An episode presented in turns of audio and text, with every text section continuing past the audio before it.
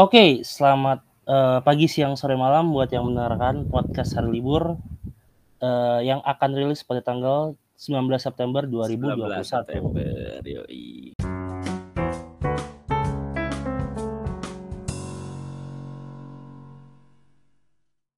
Oke, uh, mungkin cek suara dulu ya, cek suara dulu. Siap. Biasa Siap, siap, Bos. Dengan Bapak siapa nih saya berbicara? Seperti biasa, uh, Anda bersama saya ya, it's your boy Salmar Kano. Salmar Kano. Dan, Dan bersama siapa nih? Dan saya uh, Salma Salmar Kani ya. Seperti minggu tetap, lalu. Tetap nggak kreatif ya. Mm -hmm. Oke, okay, uh, eh, ini kita bakal ini dulu ya. Uh, recap dulu nih apa aja yang bakal kita Ya, direkap dulu. Bahas ya. Ya kalau bahasa Indonesia-nya itu direcap apa? Pak. Direcap. Kalau bahasa Inggrisnya direka, di cap gitu ya. Bahasa Indonesia-nya direcap. Oke. ya, uh, pertama nih ada bakal bahas soal KPK, Pak. Kapital. Hah? KPK, KPK. KPK. sorry, sorry, ya. sorry. Ngaco, ngaco, sorry, sorry. Yuk, yuk, yuk, yuk. Jadi uh, apa nih? Uh, tentang biasa menindaklanjuti hasil TWK itu yang pertama. Yoi. Terus yang kedua itu ada soal ini Pak, masih KPK. Jadi tiga tiga part itu kita KPK semua Pak, KPK. tapi beda-beda. Isinya beda-beda. Iya. No KPK, yang, no no food ya. No KPK, KPK nggak makan. Ini lagi jadi topik hangat nih. Iya, Kalau iya. yang pertama itu kan soal ini ya uh, hasil TWK yang kemarin diselenggarakan KPK Terus yang kedua itu soal uh, apa? Penangkapan. Iya penangkapan dari salah satu pegawai KPK mm-hmm. kasus suap Tanjung Balai. Terus yang ketiga mengenai uh, wakil ketua DPR yang tersangkut kasus korupsi, Pak, ya, atau suap. Itu KPK semua isinya. Tersangkut. Betul. Lalu yang keempat ada ini Pak pembangunan pabrik baterai. Nah, ini menarik nih. Berarti selama apakah, ini apakah kalian atau ABC kita kan nggak tahu ya selama ini baterai yang kita beli ya, tidak ini kan, tidak ada ya, pabriknya. Betul. Selama ini kita tahu baterai kita beli ya kan. Terus kalau habis kita jemur ya kan. Dijemur. Oke. Okay, ya, ya, terus yang kelima pernah. WHO menyerukan untuk menghentikan booster vaksin, Pak. Ah, nih Mantap apa nih? Apakah apakah yang dimaksud booster vaksin Nusantara? Kita nggak tahu. Nanti kita bahas. Nah, siap siap. Lanjut. Terus yang keenam ada ada kabar mungkin gembira ya, Pak, untuk kita semua. Gembira. Betul. Khususnya Jadi ada yang pelanggannya. Ini, ini juga apa uh, cukup ramai nih di uh, di tahun ini tuh banyak yang merger merger. Ramai ramai ramai. Ramai. Kemarin tuh ada uh, perusahaan dan sekarang ini ada merger lagi dari perusahaan provider yaitu provider. Tri dan uh, Indosat. Gitu.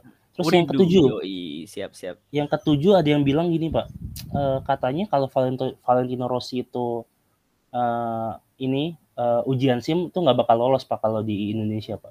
Bakal lolos iya sih. Itu kenapa? Apakah karena pakai motor yang dia biasa pakai di sirkuit? Kita nggak tahu. Nanti kita bahas. Nggak tahu. Siap bos. Yo, Terus yang kedelapan ada kabar di mana bioskop akan kembali buka. Kabar gembira juga, tapi kabar harus gembira. disikapi dengan bijak. Betul. Ya, kan? Jadi para bioskop lover ya kan. Yo Yang yang suka nonton-nonton, yang suka untuk uh, apa menghabiskan waktunya, hari ya, ini menghabiskan uangnya, bersantai ya. Iya. Ini kembali dibuka kabar gembira. Kabar yang gembira. terakhir, Mastin. Uh, ada berita dari KD Chris Dayanti apa ya? Ya, apalagi nih? Ini dipanggil... menikah lagi, menikah lagi apa? Biasanya kan gitu, Pak. Iya, mungkin nah biasa kan dia beritanya tentang uh, pernikahan. Nah, sekarang ya. tentang perpartaian, Pak. Waduh. Perpartaian. Apa, Jadi tentang apa nih? Dipanggil ketua fraksi PDIP. Nanti kita bahas hmm. kenapa dia dipanggil. Apakah karena dia mau nikah lagi? Waduh. Kita nggak tahu. Nanti kita bahas. Ya, Oke, okay. mantap. Selamat datang di podcast hari libur. Uh, Welcome. ke tujuh. Episode ketujuh. Tuh. Hari ini kita mau bahas, oh, ulang lagi dari awal. Nah, langsung ya kita bahas yang langsung, pertama. Langsung. Yang pertama kita cop-cop nih, cop-cop. Yoi. Ada, nah ini uh, berita mungkin Bapak bisa bacakan yang pertama, Pak? Ya, jadi berita pertama tentunya yang sangat hangat ya dan juga urgent Pak untuk kita bawakan yaitu adalah tentang KPK. Jadi terkait dengan eh, apa tes TWK dan uh, bagi pegawai KPK yang tidak lulus TWK itu akan diberhentikan Pak di akhir bulan ini gitu. Kira-kira seperti itu Pak. Kalau lengkapnya mungkin ada tanggapan juga nih dari peneliti Pusat Kajian Anti Korupsi Universitas Gajah Mada ya atau disikat Pukat UGM. Organisasi kesehatan Enggak maksud saya maksud saya ini, Pak. Jadi intinya pokoknya eh, TWK ini yang yang gak lolos itu jadi yeah. eh, dia itu eh, bisa dipecat Pak. Kemungkinan besar di akhir bulan ini gitu ya. Eh, hmm. Nah, sehingga ada beberapa tanggapan Salah satunya adalah dari ini Zainur Rohman yang tadi saya sudah sampaikan itu Bukat, adalah dari Bukat. Bukat, Pak, bahwa KPK itu bisa jadi tidak punya kewenangan menindaklanjuti hasil TWK gitu lah. Maksudnya eh, dia berpendapat bahwa artinya KPK tidak punya kewenangan menindaklanjuti hasil, hasil TWK. Kenapa? Karena yang yang boleh menindaklanjuti itu hanya pemerintah, Pak, ya berdasarkan putusan MA. Betul, gitu, betul. nomor 1 tahun 2021. Jadi Dan, dia uh, KPK itu siapa yang ya? pemerintah ya? gitu kan? Yep. Iya, betul. Jadi siapa yang pemerintah? Nah, tentu presiden dan uh, apa? Uh, ya presiden tentu yang paling yang hak prerogatif dia yang uh, dan juga kementerian-kementerian dan lembaga yang terkait yang lebih berhak kira-kira seperti itu pak. Iya betul jadi kan kalau lembaga terkaitnya mungkin bisa kita uh, berikut tuh ada ya presiden itu sendiri terus kalau di pemerintahan ada Kemenkumham ya. Ya, ya, ya, ya. Terus mungkin kalau dari uh, legislatif tuh ada komisi tiga ya bidang hukum. Bidang hukum. Nah, uh, iya apa? jadi kan nih Bapak komisi berapa, Pak? Saya komisi uh, ini Pak, seikhlasnya. Jadi mau dikasih berapapun saya terima. Jadi uh, ini ya yang agak disayangkan tuh karena lagi-lagi apa ya uh, Pak Jokowi itu kan pernah kasih statement ya soal kalau misalnya TWK ini nggak bisa ya. jadi penentu kelulusan ya. Eh ya, kelulusan. Ya, pemecatan, pemecatan Pak. Iya pemecatan. Jadi ini masih pikirnya kelulusan karena emang nggak bisa ada, Pak. Lagi anda ada kalau, ini Pak. Anda kalau sarja kalau Anda kalau kuliah TWK yeah. ini nggak bisa jadi ini nggak bisa. Tapi kalau jadi apa namanya uh, patokan untuk pemecatan juga nggak bisa juga gitulah. Iya iya di, uh, pernah dibilang kayak gitu. Jadi ini agak uh, miris sih. Terus ketika uh, ditanya balik kan di di belakangan ini bilangnya jangan apa-apa ke presiden gitu pak. Tapi kan ternyata uh, ini tuh menagih statement yang sebelumnya pak sebenarnya. Iyalah betul lah. Karena uh, saya kan. sangat disayangkan ya kalau dilihat dari ya ini udah banyak yang bahas ya dari dari ya. proporsi ya. dari dari personal-personal yang di apa dikatakan tidak lolos ini banyak yang berprestasi dan banyak yang memegang jabatan tinggi dengan betul, artian itu betul. mereka udah punya pengabdian yang cukup besar pak untuk ya uh, karena KPK dan Indonesia karena memang tidak ada apa ya ada ada tanggapan pak bahwa hanya presiden yang bisa menyelesaikan masalah ini gitu. Iya betul. Sehingga eh, tanggung jawab itu berada di ya presiden tentu saja kan. Jadi ya tidak salah juga warga negara khususnya orang-orang yang yang merasa menjadi korban ya yang yang tidak lulus TWK ini itu be, atau uh, berharap terhadap uh, pemimpinnya tentu kan. Itu berhak-berhak saja dong ya enggak iya ya seperti itu. Uh, sama ini sih oh ya ini ada yang ada yang apa ada yang nyelet apa nih pak apa namanya nyeleneh nyeleneh jadi mm -hmm. ada headline dari Tempo nih pak jadi uh, di headline itu ditulis uh, G30 STWK, Pak. Oh iya. Iya, iya. Ada ada ini, ini ya. Tiga, kan soalnya ini ditentukan di akhir bulan ini ya. Iya, betul, di September. September ya. Ya. Nah, itu jadi dia ini bikin headline G30 STWK. Jadi sorry, sorry, ini gerakan 30 September. September ya? Iya. Tes wawasan kebangsaan. Iya, iya, betul betul betul betul betul. Ya, ini ya diklaim sebagai kemunduran ya karena itu tadi ya kan prestasinya banyak dan segala macam gitu. Jadi udah dimulai dari ini apa dari dulu kita apa di ada demo mahasiswa ya di 23 ya. 24 September hmm. tuh tahun 2019 ya. Gitu. Jadi ya ya ya semoga ini ditindaklanjuti. Jadi semoga prosesnya bisa berjalan lebih baik lagi deh. Dan transparan. Oke, ya, lanjut. Tentu kita uh, berharap ya sesuai hmm. tadi yang Bapak sudah sampaikan juga dan satu lagi kita berharap uh, publik juga concern ya terhadap hal ini karena ini hanya, hanya sampai di akhir bulan nih kita, Pak kalau yeah, dia akhir bulan ya. ini ini ya ya sudah ya. Jadi untuk teman-teman yang punya concern dalam hal ini ya silakan di ditindaklanjuti dipelajari. Ya semoga menjadi apa mendapat putusan yang terbaik lah untuk kita semua gitu deh. Oke. Okay. Betul. Selanjutnya masih Selanjutnya, menyangkut KPK juga. dengan Pak. KPK ya. Kepak Betul. Di sini uh, Divisi Profesi dan Pengamanan Polri bersama KPK menangkap penyidik Polri pada penugasan di Komisi Anti Rasuah KPK Ajun Komisaris Polisi Stefanus Robin Patinju. Patuju. Robin juga meminta uang atau menerima suap sebanyak 1,5 M Mm-hmm. pada wali wali kota Tanjung Balai M Syahrial. Uang itu diduga dengan imi, diminta dengan iming-iming agar kasus yang menjeratnya itu dihentikan. Jadi Uh, untuk menghentikan jerat kasus dari wali kota ini, Pak. Ya. Gitu. Ya. Jadi uh, ini ya. Suap uh, ya. Iya, hasil suap. Apa ini ya? agak miris juga. Jadi kan komisi yang menggalakkan anti korupsi kena suap. Ini harus ini harus ditilik, Pak. Apakah Bapak siapa nih Robin 47 ini dia lolos CWK apa enggak Pak? Hmm betul. Sepertinya dia yang nggak lolos Pak. Jadi karena dia dapat suap. Oh. Jadi dia ini loh loh saya mau dipecat ini kan gitu. jadi uh, ini apa ya nggak usah nanggung nanggung sekalian karena emang Wah. udah lolos. tapi enggak. Tapi maksudnya uh, kita nggak tahu juga ya maksudnya. Yeah. Iya. Uh, seperti apa. Nah bisa jadi juga memang orang yang yang lolos TWK kan, tentu kan. Iya. Yeah. Nah, apa bisa jadi orang yang nggak ikut TWK, Pak? Ada nggak ya orang yang nggak ikut TWK? Yang nggak ikut TWK ya? Ini Pak Firly-nya ikut nggak? Ikut oh, TWK iya, nggak dia? Iya. Kenapa nggak dites juga ya? Komisi komisarisnya nggak dites juga ya? Semuanya gitu kan. Di, ini di tes gitu kan. Nah, harusnya semua dites tuh Pak DPR juga ya kan, presiden. Hmm. Nanti kalau presidennya nggak lolos gimana Pak kira-kira Pak? Ya kalau kita mah ini aja jadi yang tesnya tertinggi aja kan ya, kayak apa? SBMPTN jadi jadi ah. nanti TWK paling tinggi dia masuk masuk ke kementerian ini paling rendah oh, dia di kementerian paling ini. tinggi presiden gitu pak ya Iya. berarti kalau misalnya kemarin itu uh, di momentumnya KPK semua di tes TWK di pemerintahan misalnya Pak Jokowi dia nggak paling tinggi dia nggak jadi presiden loh pak dia diganti nanti aduh agak berat ya tapi intinya eh, TWK ini janganlah jadi inilah ya, jangan jadi apa suatu ukuran jabatan seperti itulah. Tentu tidak elok lah kita ya, karena eh, ya apalah ini kan cuma satu. Kita aja kalau mau masuk beberapa ya langsung aja di PNS aja tesnya banyak pak, gak cuma satu. Ya. Terus iya ini kan? pak yang paling yang paling penting adalah uh, indikatornya jelas pak. Iya indikator jelas. Apa yang dites apa ini untuk indika, indikator apa dan jawabannya seharusnya bagaimana. Betul gitu. Betul.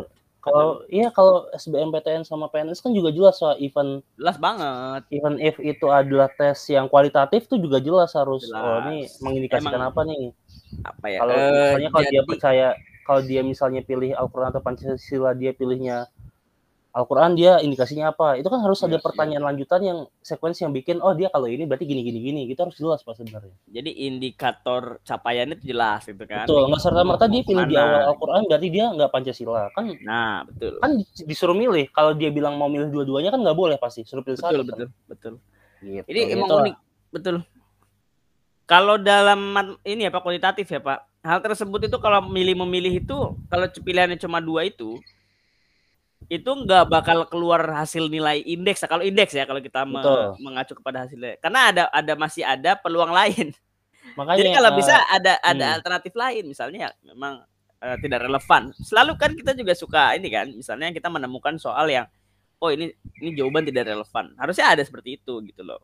Jadi nggak nggak apa ya strict kita harus milih ini atau ini gitu. Iya jatuhnya kalau gitu kan bisa jadi uh, biasnya terlalu uh, besar ya. Bias, misalnya, bias betul setuju. Misalnya saya uh, ya atau gini atau kita sangkut pautin sama media yang suka bikin framing misalnya. Uh, oh misalnya uh, novel Baswedan lebih memilih Al-Quran daripada Pancasila. Ya kan belum tentu nggak belum tentu nggak suka gitu kayak iya. misalnya. Atau uh, misalnya gue punya preferensi gue suka cewek yang tinggi. Bukan berarti gue nggak suka sama cewek yang pendek ya kan? Iya dong gitu-gitu tuh uh, harus diperjelas. Ya bener tadi harus ada indeksnya harus diperjelas lagi skala berapa atau ini maksudnya apa ada sekuensinya lagi gitu ya.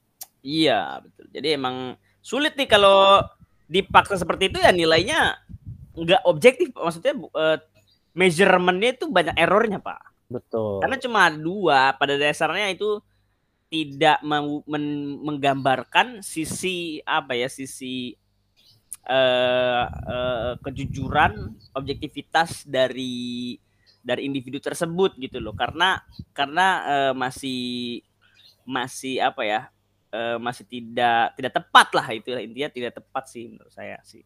Oke mungkin balik lagi nih pak ya dengan uh, apa penyidik yang kena kasus pak. Jadi uh, ya ini harus ditindaklanjuti ya. Jadi karena apa? Karena kita kan trustnya KPK tuh trust masyarakat ke KPK udah makin turun pak. Udah hmm. mulai uh, di demo kemarin ada undang-undang pergantian undang-undang, terus ada dewan ya. uh, pengawas. Dewan pengawas, terus habis itu ada uh, tes TWK, terus ya. Uh, eh sebelum itu bahkan ada uh, pemilihan apa ke, uh, ini petinggi KPK yang dinilai yang, cukup iya. uh, kontroversial. Apa, kontroversial. Terus ini lagi ada uh, di mana penyidiknya itu uh, kena kasus suap. Nah, nah ini harus apa segera ber berbenah nih KPK betul, sebelum betul, masyarakat benar-benar eh, nggak uh, percaya lagi gitu ya. ya. Intinya kalau kita kan sebagai publik itu uh, tentunya menilai juga loh. Jadi jangan dikira bahwa publik itu hanya menerima apa pun gitu ya. Kita juga hmm. punya punya tak apa ya uh, penilaian masing-masing kan. Secara komunitas atau secara masyarakat juga kita punya nilai-nilai gitu loh pak. Nah seperti ini kan seperti kayak menciderai dong Iya, menciderai ya, nilai-nilai yang harusnya dipegang oleh KPK. Tapi intinya ya kita lihat aja kasusnya seperti bagaimana nanti gitu kan. Dan harus apa ya kinerja sih harus menunjukkan kinerja supaya uh, apa ya uh, lebih baik lagi lah gitu ya supaya yang kayak gini-gini tuh nggak nggak mencederai gitu sih. Betul. Oke, mungkin lanjut nih Pak ke ya. yang ketiga nih Pak. Bisa di Karena ini masih, masih terkait, terkait, masih terkait ya. gitu. Ya. Subbab selanjutnya kita memang masih terkait dengan uh, eh, KPK. Jadi ini dilansir Kompas Pak, yaitu Wakil Ketua Kompas. DPR ya, Aziz Syamsudau bersama kader partai uh, Golk, ya kan? Jadi Aliza Gun, aduh, diduga memberikan suap sebesar diduga nih ya, diduga. Ya. diduga. Ya. Ini dilansir Kompas diduga memberikan suap sebesar eh, tiga ribu sembilan puluh sembilan atau tiga triliun ya pak ya. Ya. Serta tiga puluh enam ribu dolar Amerika Serikat. Sepertinya tiga puluh enam ribu itu ya berapa ya kira-kira ya? Ya lumayan lah ya. Atau sekitar ratus dua belas lah, belas juta gitu. kepada ex penyidik. Aduh, lagi-lagi penyidik penyidik. Ya, tadi pak. Tapi masih tadi. diduga ya. Oh, yang ya. tadi nih orangnya ya? Yang tadi pak. Oh, proyekannya banyak coy. Banyak. Kenapa nggak bagi-bagi sama orang? Waduh, gawat juga. Banyak. Dugaan itu tertuang dalam petikan dakwaan perkara ya suap eh, Pak Stepan Stefanus pakai V yang tercantum dalam situs Sistem Informasi Penularan Perkara SIPP. Pengadilan Negeri Jakarta Pusat itu eh, pada dasarnya diketahui atau patut diduga gitu ya bahwa hadiah atau janji tersebut diberikan untuk menggerakkan agar melakukan atau tidak melakukan sesuatu dalam jabatannya gitu. Jadi uh, menggerakkan untuk uh, do or don't gitu kan. Yaitu yep. agar terdakwa dan Maskur Hussein membantu mereka terkait kasus atau perkara di KPK. Tentunya yang bertentangan dengan kewajibannya gitu, yaitu bertentangan dengan kewajiban terdakwa selaku penyelenggara negara untuk tidak melakukan perbuatan korupsi, kolusi, dan nepotisme. Itu dari dakwaan nih, jadi resmi nih ya, SI, dakwaan SIPP di Pengadilan Negeri Jakarta Pusat. Jakarta Pusat. Oleh Kompas. Nah, lagi-lagi bapak yang sama, ya bapak ya kan? yang sama, eh, dengan dengan kasus yang berbeda gitu pak. Betul, ini udah Jadi kayak mafia pak ya, jadi orang, orangnya satu ya. Kayak orang dalam gitu loh pak. Iya gak sih? Iya betul betul. Udah betul, mending sama saya betul. aja gitu kan, biasa kan gitu kan. Jadi bisa yeah. jadi iya. memang banyak yang lain tuh bersih semua nih pak. Iya dong bisa, tapi nah. ada satu gitu. Nah, yang udah emang jadi profesionalnya apa, gitu di kan. situ iya, buat ngelakuin hal-hal ya. Pakai V lo ya tadi ya. Lagi pula ini, ini uh, yang ini ya yang apa wakil ketua DPR-nya ini itu ini Pak yang uh, sempat rame juga pas perdebatan di U Omnibus Law.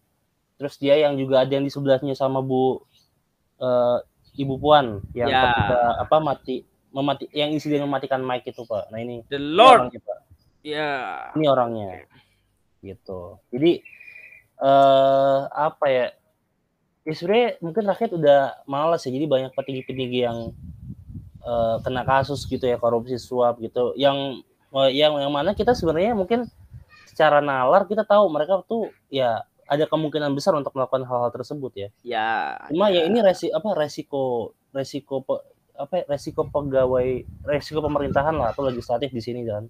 Mm-hmm. Jadi emang selain itu dibutuhkan background kapabilitas dalam uh, hal apa namanya uh, bidang yang ditekuni misalnya di komisi 3 dia adalah uh, pro di bidang hukum dan segala macam tapi dibutuhkan juga integritas pak.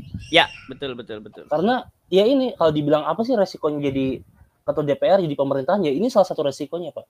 Ya ya, ya. integritinya dia bakal uh, terkikis gitu. Soalnya kalau dia nggak kuat soalnya pasti bayangin pak pasti uh, tawarnya banyak pak. Kalau misalnya misalnya bapak nih di DPR hmm. ya kan pasti banyak yang ini pak mengiming-imingi pak mm ya, ya, ya, ya, betul dong pasti dong pak. Kan kalau semakin tinggi anginnya semakin kencangnya ya semakin tinggi anginnya semakin, kan kalau semakin rendah berarti semakin gak ada angin pak ya? Ada ini pak. Tapi ada jurang ya tapi ada jurang. Jadi itu yang yang jurang kemiskinan ya, selalu ada lah selalu ada uh, iya tapi tapi ini uh, kita bilangin tapi nggak nggak nggak juga buat excuse ya kayak oh hmm, wajar hmm, dong DPR kayak gini korupsi. Kan iming-imingnya banyak. Nggak no, gitu. justru no. When uh, once lo apa ber, berani untuk daftar jadi anggota DPR lo harus siap juga dengan resiko dan konsekuensi itu. Lo harus siap betul. tidak melakukan hal itu karena kan disumpah juga pak. Iya iya betul, betul. Disumpah ada sumpah jabatan. Dengan kitab suci juga pula ya kan? Ya ya. Gitu. kitab ya, sucinya juga kitab suci agama dia pak. Iya bukan, bukan kitab suci. orang. Bukan iya kitab dong. suci Sunggokong dan nah, Samsung ya, bukan. Iya betul. Aduh, walaupun dia sudah berkelana tiap hari demi menggapai uh, itu. Mm -mm. Kalau mau Anda, oh mungkin ini Pak, biar mereka itu uh, apa jujur, memiliki akhlak mulia itu mungkin mereka harus melakukan perjalanan ke barat Pak. Wah betul. Mencapai tingkatan tertinggi dari uh, melawan banyak siluman kan? Banyak siluman, iya kan? karena si jadi babi. Nanti ya. nanti ketemu keratumpe itu. Keraton itu raja paling ini pak, paling susah itu Keraton Paling susah ya pak ya. Mm-hmm. Soalnya uh, apa kekuatannya mirip dan lebih lebih mirip. stronger dia. Iya. Walaupun hmm. ada ini juga sih yang siluman itu kan yang raja siluman tuh, yang ular itu loh. Oh iya benar benar benar. Mm-hmm. Ya ini oh, dia nih yang kayak gini-gini kan mirip-mirip kan kayak ular ya enggak? Iya. Bisa aja masuk masukin sini. Ya, aduh jadi pengen nonton keras sakti nih Pak ya. Ya, jadi memang kita belajar banyak hal dong pak ya nggak cuma dari nggak cuma dari kehidupan nyata tapi juga dari kerasakti juga memberikan nilai-nilai juga Aduh. Tuh. ya itu ya uh, ya, ya itu dia kesaktian dari para ini ya orang-orang yang terkait mungkin ini cukup topiknya cukup berat jadi kita sebenarnya agak ini pak ya agak ngebahas itu agak hati-hati pak ya mm -mm, makanya kan saya Salmarkano kan pak Iya, saya Salman Markani. iya, gimana? Markano dan nih, Markani bersaudara nih. Uh, selain cukup berat, ini juga uh, masih biasa ya masih progres. Jadi ya, uh, karena ya, kita ya, bukan ya, ahli ya, di bidangnya, ya. jadi nggak terlalu bisa ngulik lebih dalam, Pak. Kita kita butuh betul, data betul, primer, betul, ya, Pak. Sedangkan betul. kita bukan jurnalis yang punya banyak link ya kan. Gitu. Terus kenapa kalian nonton podcast ini ya kan? Aduh. Ya itulah mungkin apa uh, mungkin bisa kita lanjut ke topik selanjutnya ya. Oke, okay. mari kita lanjutkan ke topik, topik selanjutnya. Ada yang berkaitan Ini berita baik sebenarnya. Ya. Sebenarnya berita yang sangat baik.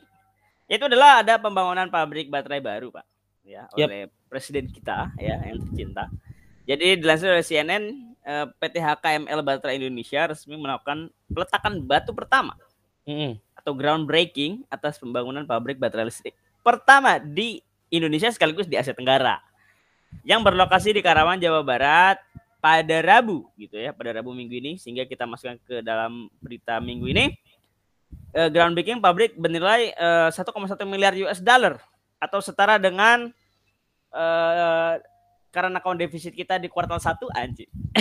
atau setara dengan 15,68 triliun. Kurs uh, 14.257 per dolar Amerika. Itu dilakukan langsung oleh Presiden Joko Widodo gitu. Oke. Okay. Jadi, nah, jadi uh, gimana tuh? Apa nih? Gimana, yang, yang, yang menarik apa nih? Bahas yang pertama mungkin dari prospek ya. Prospek. Nah, ini kita masuk ke ekonomi agak-agak seru juga karena nggak terlalu berat kayak tadi. Prospeknya adalah uh, renewable dong. Iya enggak? Ini kan renewable berkaitan dengan energi renewable energy ya. Mm -mm. Betul. Sebenarnya ada berita baru juga yang kemarin itu putusan dari masyarakat eh putusan uh, apa uh, tuntutan dari masyarakat terkait dengan udara bersih itu ya. dikabulkan pak oleh ini salah satu bukti ya, nyatanya ya bukti nyata jadi uh, bahwa pemerintah wajib atau ya wajib untuk memberikan udara bersih bagi warga ya khususnya yang beberapa eh, jadi warga Jakarta dan beberapa warga lain yang menuntut gitu kan. Iya. Yeah. Nah, eh, salah satunya memang dengan cara ini, dengan cara kita cepat beralih ke energi terbarukan gitu. Betul. Jadi kalau ini ini langkah awal ya karena kan mungkin kalau uh, secara skopnya yang lebih luas mm -hmm. dan jangka panjang itu Ya nanti kan ini bakal diimplikasikan ke kendaraan bermotornya ya. Betul, ya betul. Uh, itu dibutuhkan transisi. Nah, itu yang cukup panjang, tapi ini adalah satu langkah yang awal, awal betul, yang baik sih. It's good. Yang paling tapi penting mungkin kan mungkin selain uh, apa renewable energy terus uh, apa uh, pro terhadap lingkungan Pak ya. Mungkin uh, uh, sebabnya kenapa nih? Kenapa kenapa akhirnya baterai uh, bisa oh, betul. bisa jadi pabrik di sini? Kenapa? Ya sih? karena kan uh, salah Indonesia itu kan adalah produsen ataupun uh, negara dengan memiliki kekayaan alam terbesar khusus untuk nikel. Salah satunya nikel. Ya, nikel. Jadi dan uh, energi ter, uh, material tersebut itu yang sangat digunakan untuk uh, yang sangat berguna hmm. untuk baterai. Betul. Ya. Jadi uh, statement ini udah diungkap oleh eh udah disampaikan Pak Jokowi beberapa bulan lalu mungkin ya. Jadi ya betul. Dan pertambangan dia secara spesifik ya, spesifik ya. bilang produksi nikel kita itu banyak, jangan cuma kita ekspor. Jadi kita olah dulu biar value-nya jadi lebih tinggi. Nah, ini salah satu realisasinya adalah uh, investasi pabrik baterai ini ya. Betul, Pak. Nah, jadi bukan hanya Indonesia tapi juga uh, apa institusi dunia gitu ya. Hmm. beberapa uh, apa advisor dunia gitu eh, apa advisor investor investor dunia itu juga mengakui bahwa memang kita ini kuat untuk di nikel itu tadi untuk energi terbarukan dan pada dasarnya China itu sudah Tiongkok ya Tiongkok itu yep. sudah sudah lebih apa ya sudah sangat advance dalam hal ini walaupun maksudnya adalah uh, perkembangannya sudah sangat baik khusus untuk ya, wilayah Asia gitu ya. Maksud saya betul, kalau betul. memang di wilayah Eropa dan US kita memang sudah sudah memang sudah oke okay, gitu kan advance ekonomik memang sudah oke. Okay. Tapi maksud saya di sini uh, kita harus terus uh, kita harus menge cepat mengejar ketertinggalan, Pak. Betul. Karena ini adalah suatu keniscayaan bahwa kita pasti akan beralih. Gitu loh. Karena kita adalah anggota masyarakat dunia kan. Dan okay. UN itu kan juga punya target di mana kita SDG gitu kan, kita beralih ke energi terbarukan di tahun berapa gitu ya. Intinya eh, kita harus punya target tuh. Kalau China itu di 2050 seingat saya. Blueprintnya di 2050 ya? Ya, ya okay. kalau mungkin bisa dikoreksi untuk teman-teman. Sekitar 2050 itu targetnya ada 20% dari mobilnya itu adalah menggunakan energi terbarukan. Betul. Nah, Mungkin ini sih Pak, uh, mungkin ada yang bertanya-tanya nih, kenapa sih uh, ya kenapa kita harus ribet-ribet uh, bikin baterai gitu? Kenapa nggak kita ya udah kayak biasa aja nih, kayaknya kita ekspor biasa biar nggak capek bikin baterai, ntar investasi gagal segala macam, ntar kita tinggal beli baterai aja dari luar. Nah itu kenapa Pak? Kenapa kita harus create baterai kita sendiri? Kenapa nggak nanti ya udah tinggal kan gampang tinggal impor ya kan? Nah itu kenapa ya, Pak? Ya, mungkin ya. dari ekonominya kenapa nih kita harus menciptakan uh, ya. memproduksi barang-barang kita sendiri daripada kita secara gampang ya udah impor aja kan kita biasa impor gitu. Yang pertama adalah dari uh, ini ya Pak, dari apa harga komoditasnya atau hmm. terms of trade kita. Tentu kalau kita jual primary goods itu lebih murah Pak ketimbang oh. uh, walaupun sekarang memang masih mahal ya untuk nikel ya. Kita lihat di pasar bursa eh, di dunia komoditas uh, beberapa material memang uh, cukup mahal. Tapi tapi intinya kalau misalnya dari material itu kita olah ya. Yang pertama bukan hanya harganya yang tentu akan meningkat tapi juga ada value edit. Bahwa ada ada uh, pekerja-pekerja yang akan mendapatkan gaji, Pak, ya, ya kan? Yang akan oh. ada gaji-gaji yang akan diterima oleh masyarakat. Tentunya untuk untuk untuk masyarakat Indonesia dong, ya kan? Betul. Ya sama aja gini, ini kan ada pertambahan nilai ya, Pak ya. Dari ya, nikel jadi itu yang pertama. Kayak misalnya ya, uh, coba bayangin dulu uh, misalnya nih misalnya kan ada salah satu nasi goreng terkenal pak di Jakarta nasi goreng kebon siri pak ya kebon siri waduh bayangin dia itu uh, dulunya ya, ini kita beras dan sorry. dan masih jualan beras tapi dia nggak upgrade menjadi penjual nasi goreng kebon ya, siri ya, sekarang ya, harganya ya, ya. Eh, bandingin itu mungkin jumlah porsi uh, nasi yang sama tapi kalau dia atau lima kali pedagang, ah, jadi jadi pedagang beras dia cuma dapat paling sepuluh ribu per liter kan mm -hmm. sekarang dia dengan porsi nggak ada satu liter cuma segitu dia bisa lima puluh ribuan pak ya nah, betul itu, betul that's betul. That, that's what we call value edit jadi value edit. dari suatu barang yang raw kita olah-olah dicampurkan dengan beberapa ingredients menjadi suatu barang baru yang uh, menjadi yeah. Ya. uh, apa nilai jualnya jauh lebih mahal dari raw material tadi kalau dalam konteks baterai ini nikel ya kan? Yeah Gitu. Tentunya tadi berkaitan dengan value edit kan uh, ada ada ada tambahan lapangan pekerjaan kan yang yang ah, akan iya. baik ya. Tentunya apa? Apa poinnya? Di situ kan berarti kan banyak apa keluarga-keluarga yang akan mendapatkan akan bisa makan setiap harinya ya Betul. ya Pabrik di, kalau kita lebih detailin ya. goyang. Ya. Semakin jangan bisa goyang ya. Jadi maksud saya jangan cuma kita lihat oh betul. Anda kok jual-jual ke luar negeri maksudnya bukan itu. Hmm. Intinya kan mereka bisa ini eh, mereka itu kan bisa uh, bisa memenuhi kebutuhannya masih uh, memenuhi kebutuhan hidupnya gitu kan.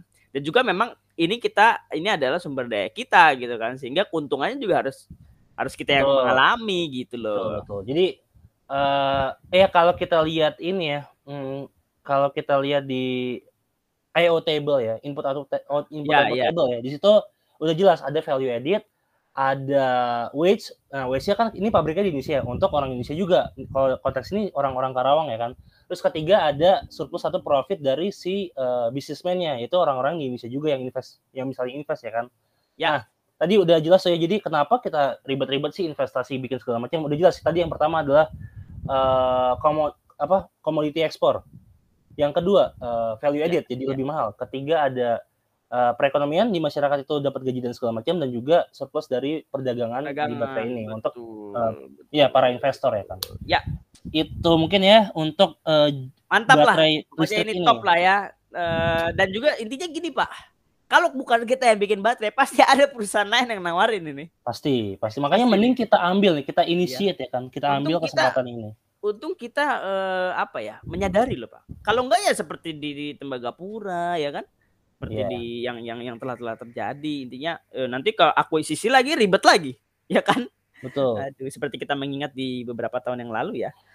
Oke mantap. dan, dan ini mungkin ini apa ya uh, mungkin bisa kalau gue sih berharap bisa diberlakukan ke banyak sektor ya kayak betul eh, maksudnya uh, ya ini ini ini dan cost, hilirnya hidup lah gitu kan iya ini the cost of creating something yang belum kita produce sendiri ya ini ada costnya pasti nanti ada ya, betul. Uh, ya resiko kegagalan segala macam saya gue juga berharap nanti ke depannya kayak misalnya uh, segala pokoknya banyak hal yang kita masih sekarang itu uh, impor Mulai, dan menjadi kebutuhan dasar dan masif di Indonesia itu lama-lama hmm. kita akan produce sendiri. Ya. Nah, ya, kalau ya, kalau ya. konteksnya zaman dulu tuh kan ada swasembada pangan ya itu minimal ya. di beras misalnya. Jadi kita harus kita namanya sesuatu. substitusi, namanya substitusi impor ya kan. Substitusi, substitusi impor. impor. Gitu. Kita berharap di sektor lain segera menyusul ya. Jadi kita mantap. Uh, at least pertama bisa produce sendiri untuk memenuhi kebutuhan dalam negeri dan kedua kalau sudah cukup kita bisa ekspor. Ya. Oke. Okay. Ya. Selanjutnya ya. ada berita Tuh, ada Lanjutnya. berita dari dari bagaimana Pak? WHO. Who. Ya, jadi siapa dong Pak? Bagaimana? Dari, dari bagaimana? Ini dari bagaimana? Bahkan Who bagaimana? Wah, jadi how kali Bapak gimana sih? oh iya, oh iya. Aduh, sepertinya Bapak butuh ini ya nyabu ya Pak, iya, nyarapan bubur. Saya, oh benar. Eh, saya, saya belum sarapan nih Pak. Tadi kan Aduh. habis wisuda Pak ya. Wih, selamat Bapak Salmarkani. Sarjana podcast. Sarjana Salmarkano Sarjana podcast Ya, ya. Uh, kami ucapkan juga mungkin uh, oh, iya, bagi betul. para ini ya wisudawan Benar, corona iya. ya. Wisudawan corona yang dan, online ya kan, yang hype-nya ya, kurang sehingga males sehingga ya udah tidak ikut wisuda. dan Jangan, saya juga betul, uh, ini berapa apa turut turut ini juga Pak uh, berbela bukan berbela sungkawa tapi turut turut uh, ya prihatin. semoga ya turut prihatin dengan yang yang apa telah transfer telah transfer sudah dan juga telah daftar wisuda ya saya terus prihatin. Tidak mendapatkan toga ya. Semoga Anda mendapatkan toga-toga pinjaman yang bisa untuk berfoto berfoto Aduh. ria. Aduh, ya pokoknya semoga kita bahagia semua lah. Ya, pakai lanjut. Dan cuma ada berita dari berita dari, dari WHO. siapa? WHO uh, atau dari siapa Pak? Saya tanya. WHO, WHO. Ya itu iya. siapa Pak? Nah, tapi ini term, ini ini singkatan oh, Pak. istilah. Eh istilah. WHO. Singkatan ya. singkatan dari World, uh, World Health, Health, World Health Organization. Organization. Jadi Organisasi Kesehatan Dunia atau WHO meminta negara-negara kaya dengan pasukan vaksin melimpah untuk menahan pemberian booster vaksin COVID-19. Nah, paling lambat hingga akhir tahun. Nah, menurut Dirjen WHO, Tedros Adhanom Ghebreyesus, wah ini Kristen kayaknya Pak. 70% negara kaya sudah memvaksinasi 40% populasi mereka. Sementara negara miskin masih jauh dari angka 40% populasi. You ah. are such a racist, man. Nah, apakah betul kalau Indonesia sendiri berapa persen nih Pak udah vaksinasi? Ya ini aja kan organisasi ternama kan kesehatan dunia ya. Yeah. Saya nggak mau mm, ngejok ngeri juga nih nanti kan kayak jering lagi kan. Oh. Meminta negara kaya loh untuk menyetop. Karena negara kaya aja disuruh stop nih. Dia harus membenahi. Apalagi negara yang tidak kaya, yeah. gitu loh. Atau uh, tapi nggak apa-apa selama selama WHO-nya nggak bilang negara kaya hanya boleh kawin dengan yang kaya juga. Aduh. Jadi nanti ada kesenjangan. Kesenjangan. Oh, eh, betul, enggak, harusnya betul. Betul dong. Kan kalau dia iya, kalau trade betul, agreement betul. kan kalau kalau dalam tanda kutip kawinnya negara kan trade agreement diplomasi kan? Ya kan? Iya betul. Nah, itu dia Bisa yang agak agak ngeri. Advance and advance economy. Tapi sekarang merging merging merging juga punya partner yang advance yang baru-baru ya, lah. Cukup yang lumayan lah ya. Ya.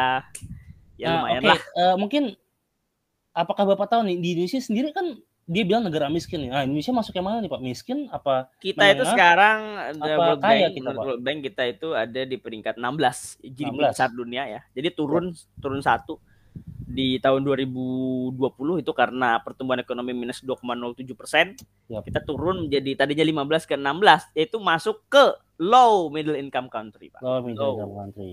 Jadi yang Apakah tadinya itu, itu, itu miskin nggak pak? Miskin nggak pak? Upper, pak. Tadinya tuh upper middle income country kita turun tuh jadi low.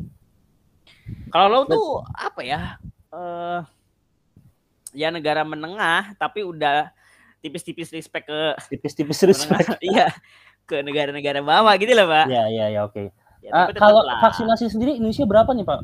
Vaksin. Waduh. Ini mungkin yang dimaksud nih, Pak. Yang dimaksud ini vaksin kedua kali ya atau Iya, Indonesia tuh ya ya sebenarnya kalau vaksinasi Indonesia memang masih jauh dari target dah. Saya saya bisa bilangnya jauh dari target untuk yeah. sekitar 70% populasi kan. Yeah. Ya kan untuk herd immunity yang sudah ditetapkan oleh WHO. Tapi intinya terkait dengan hal ini eh, mengingat tadi yang sudah saya sampaikan, ya kita harus fokus ke vaksin satu dan vaksin dua. Iya kan? Apalagi dia punya jeda itu yang harus dipikirkan juga kan? Ya, ya, antara itu jadi pertimbangan yang nggak bisa serta merta. kok lo lama sih distribusi ya? Iya nggak bisa gitu depends juga. on jenis vaksinnya dia apa. Kan yang kita tahu oh. tuh uh, vaksin tertentu dia punya range waktu yang lama berbeda-beda. betul. Betul. Ada lagi lihat kom kondisi demografisnya. Tiap orang nah, beda kenapa dia belum bisa vaksin? Karena dia kena ini duluan. Jadi harus tunggu. Ya. Agak kompleks oke. Okay. jadi mungkin poinnya adalah yang gua tangkap dari WHO ya.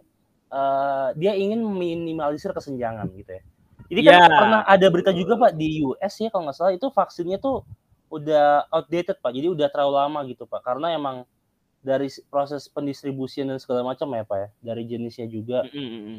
uh, terus lagi ya itu kan karena mungkin ini jatuhnya ke apa ke agreement antar negara juga. Kalau misalnya dia produce tapi dia emang vaksinnya itu uh, apa dalam jangka waktu tertentu dia misalnya surplus nih, tapi kan ada batasan masa apa namanya masa, masa iya masa, dari vaksinnya itu sendiri ada masa ininya masa atau apa, apa gitu, segala iya. macam jadi uh, dalam dalam tanggang waktu itu pun nggak apa kalaupun dia klaim keluar itu jadi useless juga atau emang nggak ada perjanjian negara yang uh, mengatur belum mengatur tentang hal itu jadi kalau misalnya surplus dalam jangka waktu sekian selama masih dalam uh, batas apa sebelum ada luar vaksin atau segala macam itu bisa didistribusikan mungkin gitu ya itu ya, ya, mungkin adalah langkah lebih lanjut yang bisa di apa nih bisa diatur atau bisa ya. dibuat ya. perjanjiannya ya yang pertama, Jadi, Pak, hmm? kalau saya bilang ini seluruh dunia itu harus patuh, Pak. Karena kalau ada suatu negara saja yang nggak patuh, tapi dia itu terbuka, ya bisa jadi tuh semua negara juga e, mengalaminya, Pak.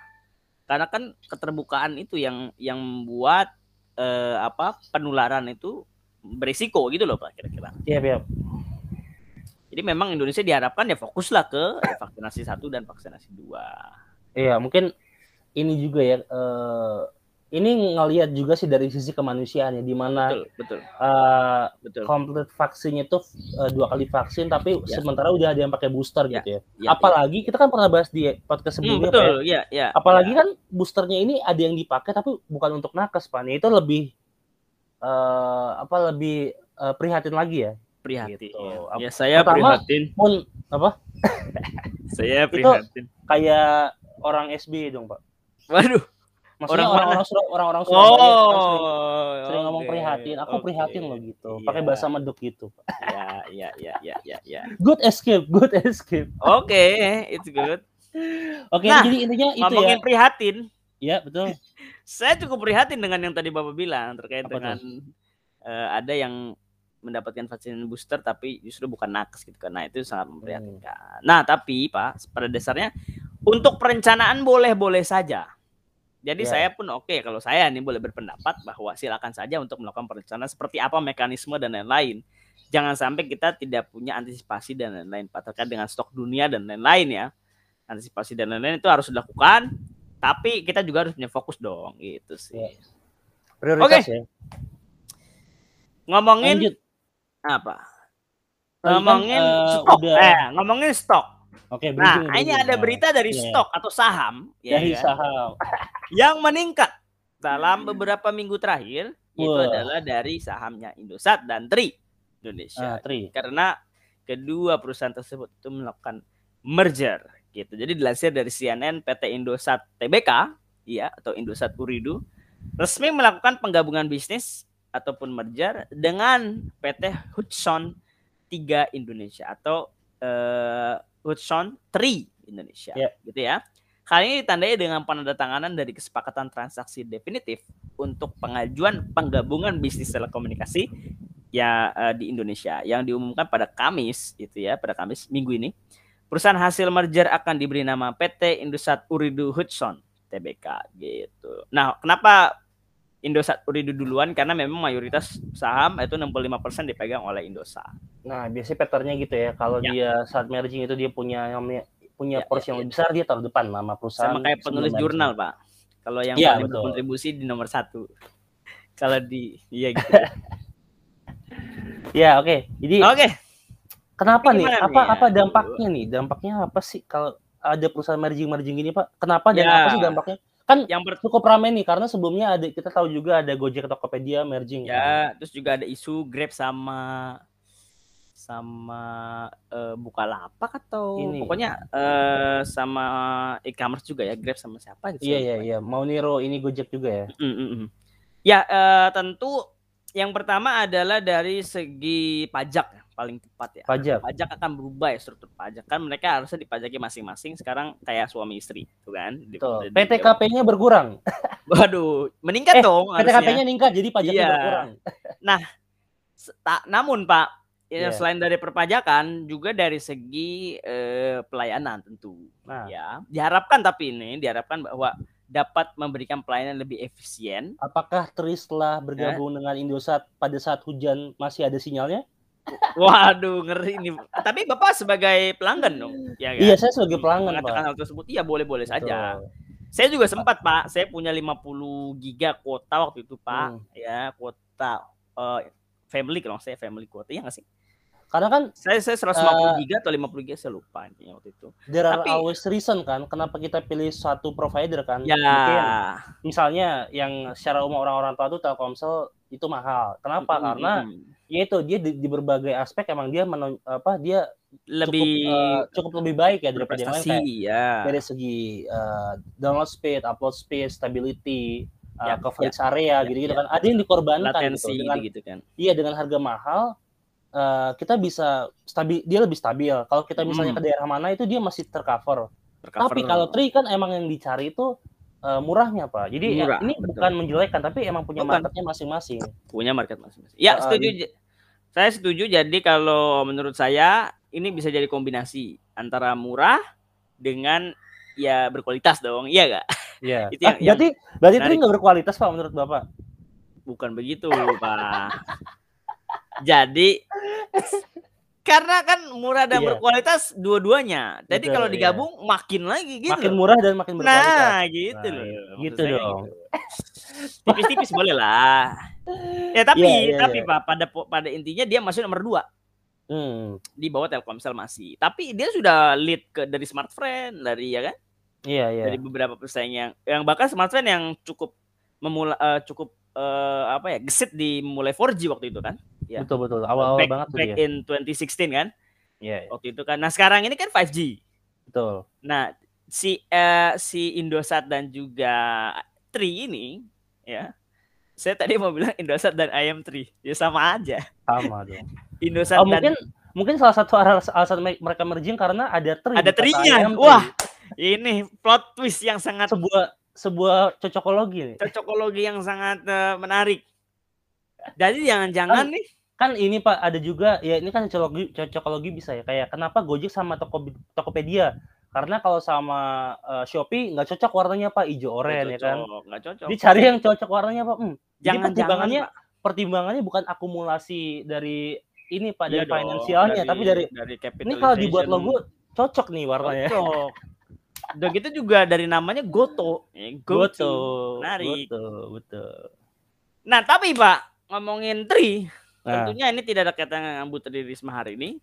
Betul. Dan juga tapi, tidak ada kaitannya dengan Bambang Tri Hatmojo. Nah, tapi ada kaitannya juga dengan uh, eh, 5G yang tadi saya sudah sampaikan. 5G. Jadi eh, apa dari merging ini salah satu produk utama yang ditawarkan adalah 5G Pak di Indonesia gitu. Jadi market melihat ataupun sentimen ya melihat sentimen tersebut e, membuat sahamnya ini sempat meningkat di beberapa minggu gitu. Betul, karena merging ini ya. Ya, ya karena dan juga 5G pada dasarnya tadi pro. Saya kira Pak ini Pak e, tadinya Tri itu pas ada 4G dia ganti nama jadi 4 Pak. Ternyata tetap Tri. Waduh. iya juga ya. Betul juga ya. Nanti kalau 5G 5 gitu ya. 5G. Itu ribet bakal ribet ya Pak yang ngurus yeah. ininya Pak. Bener juga. Oke oke. Ya okay. gitu ya. Stoknya biasa kalau ada merging, ada Nah, tapi IPO pasti ini menarik, ya, menarik Pak. Sorry nih, mungkin kita agak kalau misalnya Bapak misalnya ada rap, suatu rapat nih me, me, me, apa ya, mencari nama perusahaan. Ya. Yeah. Bagaimana bisa keluar ide tri gitu loh. Tri. Angka gitu ya enggak sih? Orang kan namanya ini ya kan namanya apalah gitu Indosat Uridu ya kan dia tiba-tiba oh. mengusulkan nama Tri ada apa dengan angka tiga waduh Ya jangan, kenapa dia lo uh, dia dia cuma nama tapi ang, logonya angka tiga. Ya? Angka, ya? betul. Jangan-jangan angka tiga ini melambangkan suatu hal, Pak. Waduh, ya. Apa tuh? Itulah kuis hari ini. Jadi kira-kira apa arti angka tiga dalam logo Tri? Waduh. Hadiahnya disponsori oleh Tri itu sendiri. Waduh. Oh iya, saya juga wondering ya kenapa ya, kenapa ya? iya. ya, kenapa namanya Tri ya. Nah, tapi ya mungkin nanti kita bahas ya tentang okay. kenapa namanya Tri. Ya. Apakah dia adalah provider ketiga di Indonesia? Nah, yang sekarang sudah menjadi nomor dua kan? Jadi nomor dua. Iya. Mungkin ya, nanti kita nggak tahu. Nanti kita coba cari tahu ya. Emang kurang persiapan podcast ini sebenarnya. menarik, menarik, menarik. Oke, mungkin lanjut ke topik selanjutnya. Aduh, gimana nih ya? Silakan Bapak coba bridging ini agak susah nih ya. Saya nah, mungkin tadi kan kita membahas tentang tri dengan kecepatan tri. internet yang katanya nah, lambat ya. Cepet juga dia nih dapetnya. Ini cepet ada juga dia uh, yang apa? kecepatannya itu uh, uh, cepat, Pak. Jadi kebalikannya. Tapi bukan dalam ranah uh, internet provider, tapi dalam ranah uh, MotoGP, Pak. Ya. Gitu. Di sini ada uh, surat terbuka yang dilayangkan oleh salah satu pegiat anti korupsi yang Rosan Yunto mm -hmm. terkait dengan pelayanan Samsat. Samsat. Atau uh, apa tuh Samsat ada singkatannya, Pak? Saya lupa, Pak. Uh... Ya itu tentang ini ya, uh, pembuatan SIM. Pembuatan SIM. Betul. Jadi uh, dia dari salah satu suratnya dia bilang uh, dalam tanda kutip dia bilang gini, dengan model ujian praktis seperti ini, publik percaya Lewis Hamilton akan gagal mendapatkan SIM A, pembalap uh, Lewis Hamilton F1, dan F1. juga ya Valentino Rossi, pembalap MotoGP uh, tidak akan memperoleh SIM C Wah. di Indonesia. Jadi uh, ini ini sebenarnya apa ya persepsi umum dan juga ini adalah rahasia umum ya Pak karena rahasia umum. Uh, ini udah cukup lama, cuman nih kembali viral lagi karena dia ya ini dengan kata-kata nyentriknya ya kalau Valentino Rossi tes juga nggak bakal lolos di sini gitu kan. Mm-hmm. Dengan dengan uh, dengan analogi seperti itu uh, dia ini ingin bilang bahwa saking sulitnya tes di Indonesia gitu. Jadi bahkan ya, sekelas ya, ya. Uh, orang yang udah ahli di bidang itu nggak bakal lolos. Ya ini dari gitu. peneliti ICW ya pak ya. Betul. mengatakan. Nah jadi Uh, tadi Pak terkait Samsat saya mau kasih tahu jadi Samsat itu adalah sistem administrasi menunggal satu atap. Betul. Ya itu saya tadi mau bilang itu Pak baru mau Ya udah, udah Bapak dulu. Ya, mungkin Bapak bisa jelasin ini aja. Satpas apa tuh Satpas? Oke, kan tuh uh, ada samsat, samsat ya. Terus ya. Uh, dia tuh uh, satu ini juga Pak, ngeling juga sama Satpas atau Satuan Penyelenggara Administrasi SIM. Nah, gitu, gitu. yoi. Jadi ini satu kesatuan lah. Jadi kalau misalnya ya. kita buat SIM kan biasanya ke samsat ya. Hmm. Gitu. Jadi uh, ini jadi rahasia umum ya ketika tapi ini tuh ini sebenarnya kita gua tuh mengharapkan kan dulu ada momentum ini apa ya. 2009 atau 2000 berapa tuh yang tiba-tiba tuh di polisi tuh ada seruan anti pungli terus ada gambar kartun dari polisi yang lebih humanis yang diklaim jadi lebih humanis segala macam kan. Di situ kan ya. dibilang tuh uh, wawasan ini anti pungli bla bla bla segala macam ya. nah itu sebenarnya gue berharap dari momentum itu pak. Itu kan sempat ramai itu pasti sebelumnya itu kenapa jadinya ada seruan anti pungli kan Ya. Tapi ternyata dalam prakteknya mungkin mungkin mungkin saja uh, su hmm. sudah berkurang ya, tapi tetap masih ada cukup banyak nih Pak yang hmm, masih laporan-laporan uh, ya oleh netizen-netizen ya. Jadi ya sebenarnya eh oke okay, mungkin gue bahas dari sini ya. Uh, sebenarnya kalau misalnya ujian SIM itu sulit itu relatif ya. Relatif dong, Pak. Selama selama selama uh, indikatornya jelas dan mm -hmm. itu memang sesuai kaidah, sesuai peraturan yang diterapkan. Ya. Jangan uh, jangan subjektif ketika misalnya uh, dia udah benar, udah uh, sesuai gitu disalah-salahin atau prosedurnya sebenarnya misalnya nih untuk uh, uh, tes SIM-nya itu dia bisa melakukan pengulangan tiga kali misalnya tapi dia mm -hmm. uh, males ah nih nggak nggak menghasilkan apa-apa gue cepetin lo segini aja kalau gagal ya udah gitu jadi mm -hmm. harus ketat itu bahkan kalau di Jepang nih pak ya di Jepang itu dia se itu pak jadi saya pernah lihat uh, apa ada orang yang ngevlog gitu salah satu warga negara Indonesia dia tes SIM di Jepang itu sulitnya minta ampun pak dia mm -hmm. dua kali itu gagal terus tapi ya, ya, ya. emang tapi pada Gap akhirnya ya GPR. Tapi dikasih tahu Pak, oh kamu salahnya di sini di ini segala macam gitu. Mm-hmm. Jadi di sana tuh emang sulit banget Pak karena ya. Iya, di sana tuh sulit banget karena jadi kalau kan kalau di sana tuh uh, secara sistematis tuh emang di quote unquote tuh dipersulit untuk memiliki yeah, kendaraan. Yeah, yeah. Mulai dari pajak kendaraan, mulai dari bahkan di Jepang itu kalau lo misalnya punya mobil Pak nggak bisa lo parkir di pinggir jalan komplek tuh nggak bisa Pak Nggak bisa. Lo either punya garasi atau lo nyewa tempat parkir per tahun. Nah, betul. Gitu-gitu. Jadi uh, emang sestrik itu. Nah, juga, juga juga di ini tempat pelatihannya di Samsat Jepang. Di Samsat Jepang juga kayak gitu. Samsat Jepang. iya, bahkan dia ada uh, apa namanya? Itu rinci banget lah. Kayak misalnya, oh kalau misalnya ada misalnya ada di sebelah kiri tuh ada tanda segitiga, dia harus minimal uh, belok minimal belok ke kanannya itu uh, berapa meter sebelum dalam berapa? Ya iya 30 meter tuh harus persis pak. Minimal segitu. Tapi kalau lo 31 apa 29 tuh baru belok itu udah gagal. Jadi uh, uh, gua mendukung tes-tes seperti apa tes-tes yang uh, mungkin bisa dibilang rumit tapi relatif tapi selama uh, sesuai dengan koridor hukum ya konstruktif juga gitu kan gitu karena uh, yang pertama samsat samsat ini itu uh, apa bertanggung jawab ini terhadap terhadap apa uh, terhadap uh, lalu lintas Indonesia lalu lintas. Pak. Iya, soalnya kalau kalau dia sembarangan jawab. sembarangan sistem ke orang yang capek dia juga Pak soalnya. Betul, betul, betul, betul. Dalam perspektif itu gue setuju. Tapi ya. tapi nggak serta tapi nggak tiba-tiba di depan nawarin mau nembak apa legal ya kan?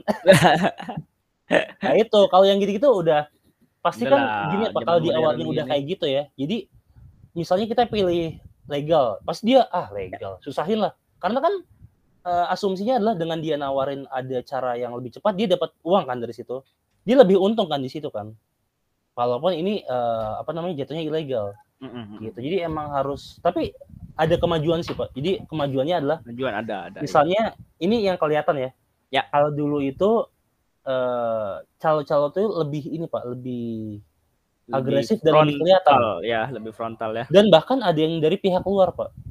Mm -mm, mm -mm, ada, Nah, ada, sekarang ya. ini Aduh. Ya, sekarang ini lebih nggak kelihatan lah. Lebih nggak kelihatan gitu. Lebih berbahaya. Mungkin lebih sedikit juga, tapi ya. yang yang jelas lebih nggak kelihatan. Ya, ya, ya, ya, ya, ya. Oke. Jadi kita tadi terkait dengan uh, ini Pak izin Pak ya, izin. Kalau tadi kan izin apa Pak? Izin uh, mengemudi. Nah, kalau sekarang ini adalah terkait dengan izin menonton bioskop, Pak. Iya, Oh, udah bisa Pak nonton bioskop nih. Di mana ada sudah boleh Pak menonton bioskop, tapi dengan catatan. Nah, Apa tuh? Dengan catatan. Jadi uh, untuk jadi gini Pak, ya saya detailnya seperti ini. Jadi uh, dilansir dari Kompas, seluruh bioskop di Jakarta akan kembali buka dan beroperasi pada uh, mulai pada Kamis gitu kan. Dari itu kata Nah, lalu Ketua Gabungan Pengusaha Bioskop Seluruh Indonesia atau GPBSI ya, hmm. Joni Syafruddin mengatakan jaringan bioskop CGV ya 21 dan uh, apa XX1 dan Cinepolis akan kembali beroperasi. Ada sekitar 400 layar bioskop yang siap menampilkan film baik dari dalam maupun luar negeri tapi ya tapi tapi eh, apa namanya harus memenuhi beberapa syarat. Yang pertama, ya, saya sebutkan dulu ya, Pak ya, terkait yeah. dengan protokol kesehatan. Yang pertama harus menunjukkan sertifikat vaksin COVID-19 dengan eh, dengan eh, bold yang harus eh, ditebalkan itu adalah sudah melaksanakan vaksinasi sebanyak dua kali. Dua kali. Dua kali. Wah, seperti iklan obat cacing. Dua kali. Dua kali. Jadi yang kedua, nah, makan dan minum di dalam bioskop tidak diperbolehkan. Yang ketiga menggunakan masker, mencuci tangan dan menjaga, menjaga jarak tentu ya. Dan yang keempat, penonton tidak boleh lebih dari 50% kapasitas bioskop. Nah, ini sebenarnya udah besar juga Pak, kapasitas 50% udah yeah. besar. Yang kelima, pengunjung berusia di bawah, di bawah 12 tahun belum diperbolehkan. Kalau pas 12 tahun boleh ya, pas 12 tahun boleh ya. Ya, itu kan dia himpunan ter, tertutup, Pak. Jadi 12 boleh. Nah, bioskop hanya bisa dibuka di daerah berstatus PPKM level 2 dan 3. Nah, ini harus digarisbawahi Udah cukup, Hanya Pak? boleh di PPKM level 2 dan 3. Di, di Jakarta ada lagi nggak? Kan, ada lagi nggak, Pak? Enggak. Udah sih, itu aja sih. Nggak ada, nggak ada aturan yang nggak ada aturan ini, Pak, yang nonton cuma boleh maksimal 20 menit, nggak ada gitu, Pak ya? Nggak ada. Satu lagi ada. ada lagi dong. Harus Apa? punya tiket. Oh iya benar. Kalau nggak punya nggak bisa. Betul betul. Nah ini mungkin uh, kabar baik ya karena ya. banyak film-film yang saya tunggu juga nih pak buat ditonton sebenarnya. Woi, oh iya dong kita udah. Dari bapak dulu apa nih yang mau ditonton nih kira-kira nih? Tentunya yang saya suka ya The Eternals. Tunggu ya, dekat, yang paling dekat apa pak? The Eternals itu November 3 November. The Eternals. Kalau saya ini pak, saya Spider-Man masih satu Spider-Man ya. Juga. Spider-Man. Oh. Nah, terus juga mungkin apa ya? Hmm, apa lagi pak? Film yang saya nantikan apa ya itu sih paling ya dua itu ya tapi yes. intinya ini adalah uh, salah satu apa ya indikator di mana ekonomi itu akan mulai berangsur mungkin ya mulai berangsur uh, jadi ini ya ini apa pelonggaran bioskop terus juga kalau misalnya kita uh, warga Jabodetabek ya untuk komuter lain itu udah cukup nunjukin surat vaksin minimal vaksin pertama untuk menggunakan yeah. komuter lain nggak usah yeah. pakai STRP lagi jadi jadi anda ini, kalau hmm? kalau baru vaksin satu ketika anda mau berangkat ke nonton bioskop jadi anda sampai tuh jadi dari rumah ya kan naik kereta bisa. Bisa sampai naik kereta bioskop. sampai mall tapi mau masuk bioskop nggak bisa. Tapi nggak bisa nonton gitu. Jadi uh, nanti Anda diceritain udah... orang aja, diceritain orang. Nanti tapi masuk mall tapi masuk mallnya bisa, masih cuma ya, masih boleh ya. Mm-hmm. Kalau masuk mall itu yang penting ada surat vaksin minimal satu. Ya minimal satu. Mantap. Jadi uh, kita sih kalau boleh ya saya khususnya menyarankan yang pertama jangan terlalu euforia terhadap hal ini ya pedulikan ya. bukan hanya bukan hanya uh, ini bukan hanya untuk Indonesia tapi juga untuk diri anda masing-masing dan juga keluarga. Dengan adanya dengan adanya pelonggaran ini nggak ngebuat kita longgar pada prokes diri sendiri juga. Betul ya, ya betul. Jadi tadi juga uh, tentunya peraturan harus dipenuhi dan jangan diam kalau ada yang melanggar. Intinya betul. menegur atau melaporkan kepada pihak yang berwajib. Yep. Saling okay. jaga satu sama lain, betul. Nah, ini siapa yang mau bridging pak? Ini kita bridging ke uh... Oh, berarti saya ini giliran gue, giliran gue. Oh, ini sedikit giliran Anda dong. Giliran sih. Oke. Okay. Okay. Nah, tadi kan kalau misalnya uh, Bapak bilang ya, kalau ada yang salah tuh ditegur, Pak ya. Tegur. Tegur. Nah, ini juga ada yang kena teguran nih, Pak. Kena teguran atau kena panggilan? Tegur. Kena panggilan. Mm, Jadi betul. Uh, dilansir dari tempo.co berit uh, pagi ini tuh uh, anggota DPR Kris Dayanti KD KD ini uh, masih di... jadi anggota DPR atau mantan ya Pak? Masih, masih, ya? masih. Oh, dipanggil masih. ketua fraksi PDIP uh, eh, Utut Adianto dan sekretaris fraksi PDIP Bambang Muryanto karena uh, Mbak Kadi ini sempat spill soal besaran gaji anggota DPR Pak di salah satu stasiun TV. Ya, ini dilansir dari Tempo ya. Terus Betul. jadi ya ada beberapa detail ya Pak ya yang disampaikan ya Pak iya, iya. kira-kira ya. Cukup cukup lumayan lumayan detail. Cukup lumayan dan tentunya fantastis. Ada penyebutan nominal ya. Dan ya kira-kira uh, mungkin apakah Bapak ingin menyebutkan? Ya, mungkin ya, uh, boleh ya. nih ya. Jadi oh, silakan, ada, silakan. ada ratusan juta yang disebutkan ya. uh, kayak misalnya ada dana aspirasi 450 juta hmm. uh, dalam ini dalam setahun tuh ada lima kali pak jadi uh, imagine 450 dikali 5 ya berarti kan hmm. berapa tuh hmm. 1800 2, 2250 juta atau 2,2 miliar ya 2,25 2,25 miliar ya terus ada lagi setiap tanggal 1 dapat 16 juta setiap tanggal 5 ya. dapat 59 juta ya berapakah setiap tanggal 15 Wah. Nah, pertanyaan yang Iya makanya itu dia nggak tahu nih apakah setiap tanggal lain dapat kan belum tahu dia nggak bilang ya, tanggal lain kan terus betul.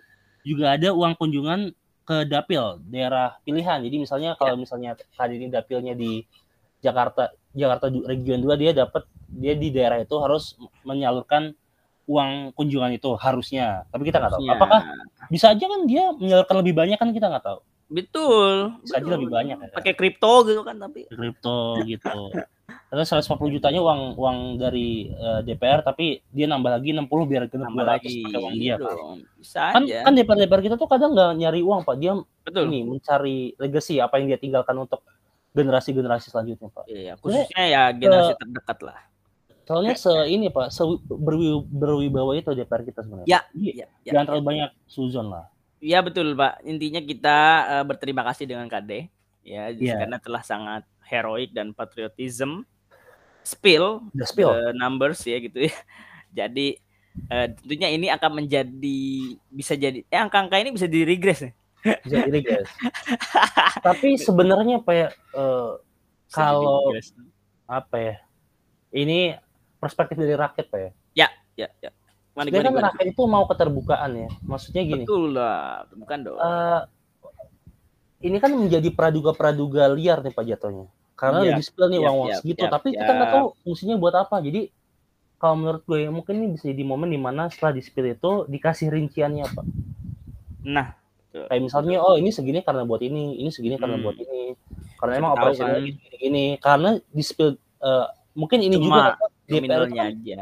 Pasti karena tugasnya banyak tuh mereka punya staff khusus atau staff, staff gitu. Iya, betul. Dia harus bilang misalnya dia di komisi tiga dia kan nggak mungkin dia ngaji semua undang-undang untuk buat suatu kebijakan sendiri ya. kan kayak dia punya staff ini itu dia misalnya punya staff uh, misalnya komisi tiga kan hukum tuh banyak ya jadi misalnya ada yang dia bagian ini tenaga dia... kerjaan punya staff ketenaga kerjaan ada punya staff untuk apa gitu kan jadi menurut gue ini momen dia yang anggota komisi sembilan mbak Oh dia sembilan ya sembilan tuh berarti kesehatan, ketenaga kerjaan dan kependudukan. Iya kesehatan, ketenaga kerjaan sepuluh tuh pendidikan. Oke dia kesehatan ya. Jadi dia itu benar ketenaga kerjaan kan. Dia misalnya dia punya mm -mm staffnya itu berapa dia harus kasih tahu juga kali aja kan kita bisa daftar ya kan betul betul aduh saya lihat nomor-nomornya nih wow wow wow, wow. lumayan kan misalnya nih uh, 140 nih yang pokok ya lumayan ya, kita iya. bisa dapat 10 juta per bulan kan lumayan, ya, lumayan kita bakal lah. berusaha sungguh-sunggu untuk oh, tentu. menyediakan apa 100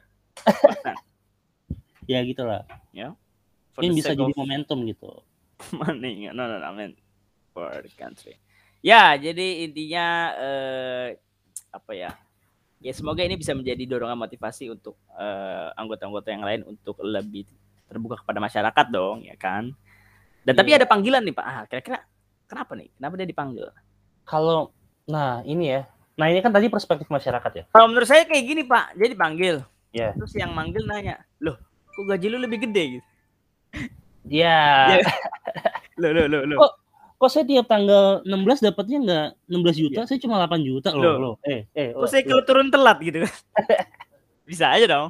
Betul, betul. Nah. Kita kan nggak tahu apa isinya kan.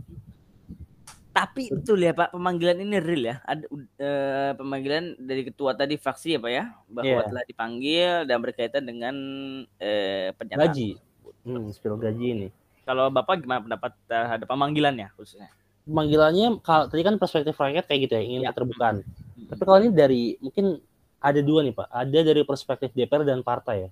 Mm -hmm. Kalau DPR mungkin hampir sama dengan partai, cuma mungkin partai lebih spesifik ke kadernya ya. Jadi hampir sama. Yeah. Jadi mereka itu akan maintain uh, informasi yang terlalu liar untuk dikeluarkan. Sensitif ya kan. Mm -hmm. Sensitif apalagi kan yang kita tahu uh, rakyat Indonesia tuh maunya pejabat tuh gajinya normal, nggak gede-gede banget. Nah ini yeah. ini satu poin yang penting yang pernah kita bahas Pak ya Ya, ya. Jadi kalau misalnya sampai tahu nih rakyat rinciannya bahwa gajinya sebesar itu dengan tunjangan yang ber, mungkin bisa diklaim berlebihan, nah itu akan menjadikan uh, persepsi publik terhadap wakil rakyat dalam konteks itu jadi negatif, Pak. Nah, tapi dengan dengan sudut pandang lain, hmm. masyarakat hmm. semakin ingin menjadi anggota DPR. Ya, ya betul. Jadi iya ada komen-komen gitu. Wah, dengan adanya informasi ini saya semakin yakin akan saya semakin yakin jadi anggota DPR. Ya kan Nur Hadi Aldo kalau Bapak ya. Semakin semakin yakin oh, tahu Pak tahu. Semakin yakin. Eh, dia kok dia dia sekarang udah menjabat di mana ya? Nah, itu nggak tahu Pak. Saya kurang update. Apakah dia ya? jadi Nah, nanti kita ya. bakal bahas ya. Sempat ramai nanti kita mungkin kalau ada mungkin kita undang Pak Nur Hadi Aldo nanti ya. kita cari deh. Karena ya mungkin rakyat juga mikir, oh kalau gajinya uangnya segini, dana reses segala macamnya segini, ini sangat-sangat mewakili rakyat ya. Mm betul betul. Gitu.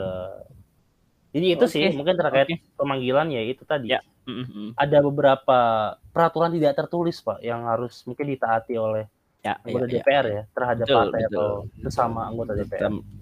Terdapat ya. Ya mungkin itu aja ya dari kita. Ya itu dari semua. minggu ini kita uh, sudah menyampaikan beberapa hal yang terkait dengan politik, uh, hukum, politik, ekonomi. ekonomi. Yep.